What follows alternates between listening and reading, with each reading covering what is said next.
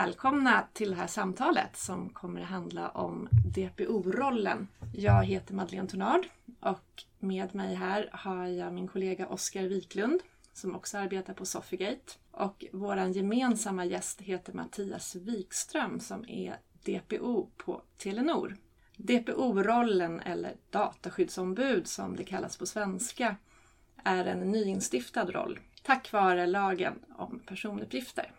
Den är ju allmänt känd som GDPR. Lagen säger att DPO-rollen ska vara oberoende och rapportera till högsta ledningen. Det finns egentligen ingen regel om var i organisationen man ska ha sin DPO, så det kan variera mellan olika företag.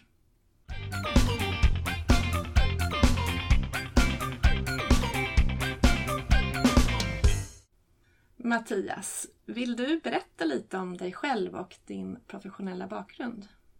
Mm, det kan jag göra. Eh, jag har eh, IT-bakgrund och är systemvetare i botten. Tidigare har jag jobbat med arkitekturfrågor och IT-styrning och haft ansvar, policyansvar för informationshantering också.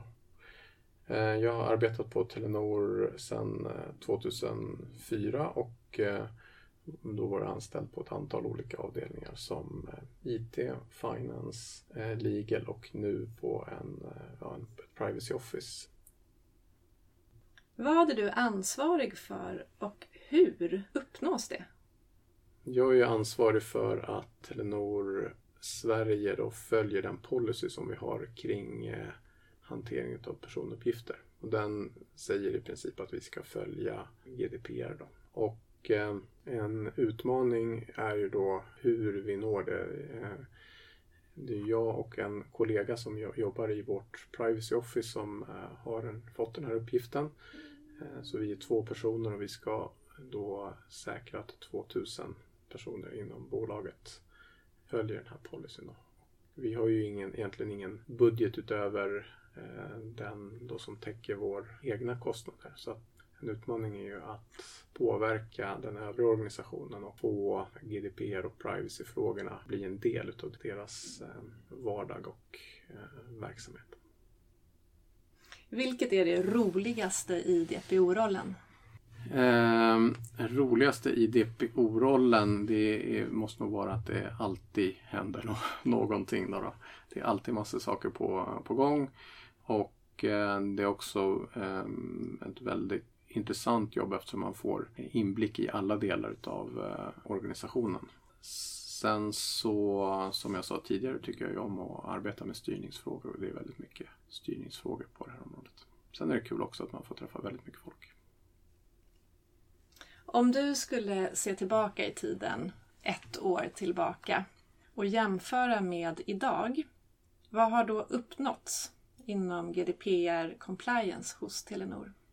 Att arbeta med den här typen av frågor är ju ett eh, kontinuerligt eh, förbättringsarbete. Arbetet blir eh, aldrig färdigt utan det finns alltid någonting som, som man kan göra bättre. Och när jag tittar tillbaka på vad vi har gjort under det sista året så, så känns det som vi har gjort väldigt mycket saker, gjort en, en lång resa. Då. Samtidigt så när jag tittar framåt så känns det som det finns oändligt med saker kvar att göra. Då.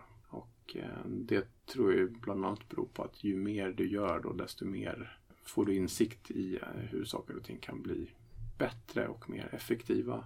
Vi har eh, naturligtvis gjort ett antal eh, förbättringar kring hur vi hanterar personuppgifter. Men det som jag tycker känns eh, viktigast det är de förändringarna som vi har eh, åstadkommit ute i organisationen. Så GDPR och privacy är inte längre någonting som sysselsätter bara folk inom legal eller eh, privacy-funktioner. Utan eh, tycker jag nu har blivit någonting som eh, de flesta ute i organisationen tänker på att det har blivit en del av deras arbetsuppgift. Och även om de inte tänker på det hela tiden så kanske man tänker på det lite grann. Du har ju en oberoende roll som DPO. Eh, vad innebär det i praktiken? Ja, det innebär ju flera saker men, men eh, bland annat så måste jag ju kunna rapportera risker och avvik eh, då direkt till eh, ledningen. Men det innebär ju också att jag inte kan egentligen delta i, i projekt eller fatta beslut om att vissa saker är okej eller inte. Däremot så har jag ju en vägledande roll då, så att jag kan ju vägleda projekt och program kring eh, hur man borde göra men besluten kring vad man sen i praktiken gör ligger ju på, på projekten. Så man kan egentligen inte komma till mig för att få ett godkännande men man kan komma och få en rekommendation om en väg framåt. Har du märkt någon skillnad på bemötandet från personerna i organisationen när det kommer till GDPR-frågeställningar? Ja, men det tycker jag. När, vi, när jag började i den här rollen då kände man sig ju ganska ensam. Vi är ju, vi, nu två stycken som jobbar med, med privacy då, så vi är ju ganska ensamma organisatoriskt. Då. Men i början så var vi ganska ensamma med att eh, jobba med området också. Men nu tycker jag att man eh, får eh, ja, har kommit till en annan insikt ute i organisationen och att det är på ett helt annat sätt när vi jobbar tillsammans. Då. Och, eh, vi har ju medvetet drivit en eh, och satt upp en organisation där varje division får ett tydligt ansvar för hur man hanterar sina egna personuppgifter och försökt engagera dem och att de ska få insikt kring vad det innebär. Och eh, det tycker jag har fått eh, stor effekt på sikt så är min förhoppning att eh, organisationen ska klara sig själv. Att inte jag ska behöva göra så mycket utan det ska finnas en, inbyggd vilja att göra rätt och en inbyggd förmåga att kunna göra rätt. Vad har varit viktigt för att åstadkomma den här typen av förändring i människors arbetssätt? Eh, det är viktigt att eh, alla får en förståelse kring eh, området och varför vi arbetar med privacy, varför det är viktigt för Telenor. Vi började tidigt i vårt program med att utbilda stora delar av organisationen och även peka ut eller utse roller och fördela ansvar ut i organisationen. Så att varje del ska förstå ja, sitt ansvar. En utmaning i rollen är ju eh, att det förväntas att man har eh, kunskaper på ett stort antal områden. Det förväntas att man har väldigt bred kompetens. Samtidigt så förväntas det också att man eh, kan hantera frågor på en väldigt, allt från en väldigt detaljerad nivå till hantera frågor på hög nivå i organisationen. Eh, vilken typ av områden kan det vara som du behöver ha kunskap inom? Dels är det ju eh, själva lagstiftningen och legala områden men det är även teknikområden och eh, även om organisationen i sig själv då hur bolaget fungerar och även hur bolag styrs. Jag tycker den här governance-biten är eh, viktig som jag har haft stor nytta av. Då.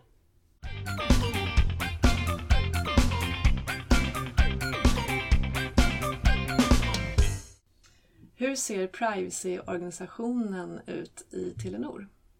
I Telenor Sverige så har vi ett eh, Privacy Office där jag och en kollega sitter. Och vi rapporterar till en funktion som heter Corporate Affairs som rapporterar då till eh, VD. Och eh, en systerorganisation till oss är också Legal då, som vi har nära samarbete med. Sen dessutom så har vi stöd ifrån Telenor Group så jag rapporterar även i en matrisorganisation då till eh, en eh, gruppfunktion eh, för privacy. Så där är de ungefär tio personer som jobbar enbart med privacyfrågor och eh, Telenor Group hjälper de, de olika länderna med stöd vad gäller privacyfrågor.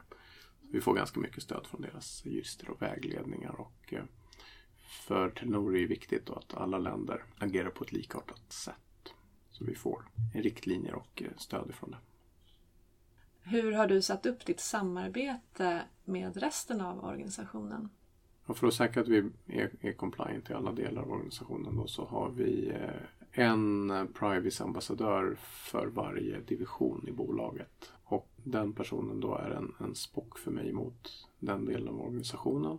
Och ansvarar även för att rapportera privacy-status till mig men även till eh, sin eh, CXO. Då. Så att regelbundet så rapporterar man upp eh, hur det går med kontroller, vilka risker som finns och vilka incidenter som har uppstått i, i den divisionen. Då.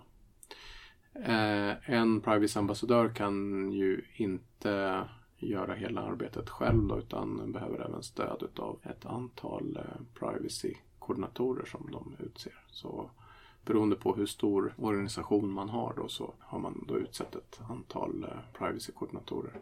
Och totalt sett så är eh, den här organisationen med ambassadörer och koordinatorer ungefär 40-50 personer. Då. Så det är rätt så många människor ute i organisationen som fokuserar på privacy.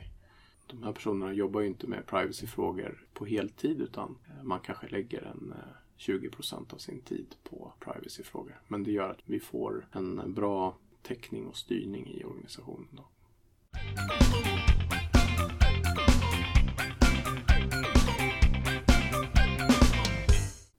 Ser du några kommande trender inom GDPR-området? Jag tror att framöver så är det viktigt att eh, titta på vilka tolkningar som görs utav eh, GDPR eh, och bevaka det. Eh, just nu så har ju bolag kanske på egen hand gjort tolkningar men man har ju inte riktigt fått verifierat om det är rätt tolkningar. Så jag tror att eh, över tid här så kommer vi se då en mer harmoniserad bild över vad GDPR ställer för krav egentligen. Sen så kommer nog många också behöva fortsätta att jobba med GDPR och den delen som har att göra med att kunna visa att man är compliant. Jag tror att många har jobbat med att um, åtgärda ett antal brister som man har sett men inte kanske fokuserat på den långsiktiga eh, styrningen. Då.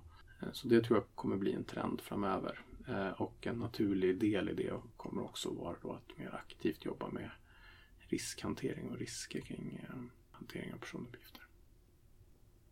Tack så mycket Mattias för att du var med.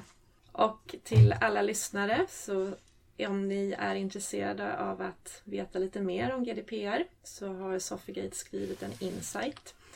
Eh, och den handlar egentligen om hur många svenska företag har det kring GDPR idag. Och den finns publicerad på vår hemsida. Där finns ju också mer information om vilka vi är och vad vi gör.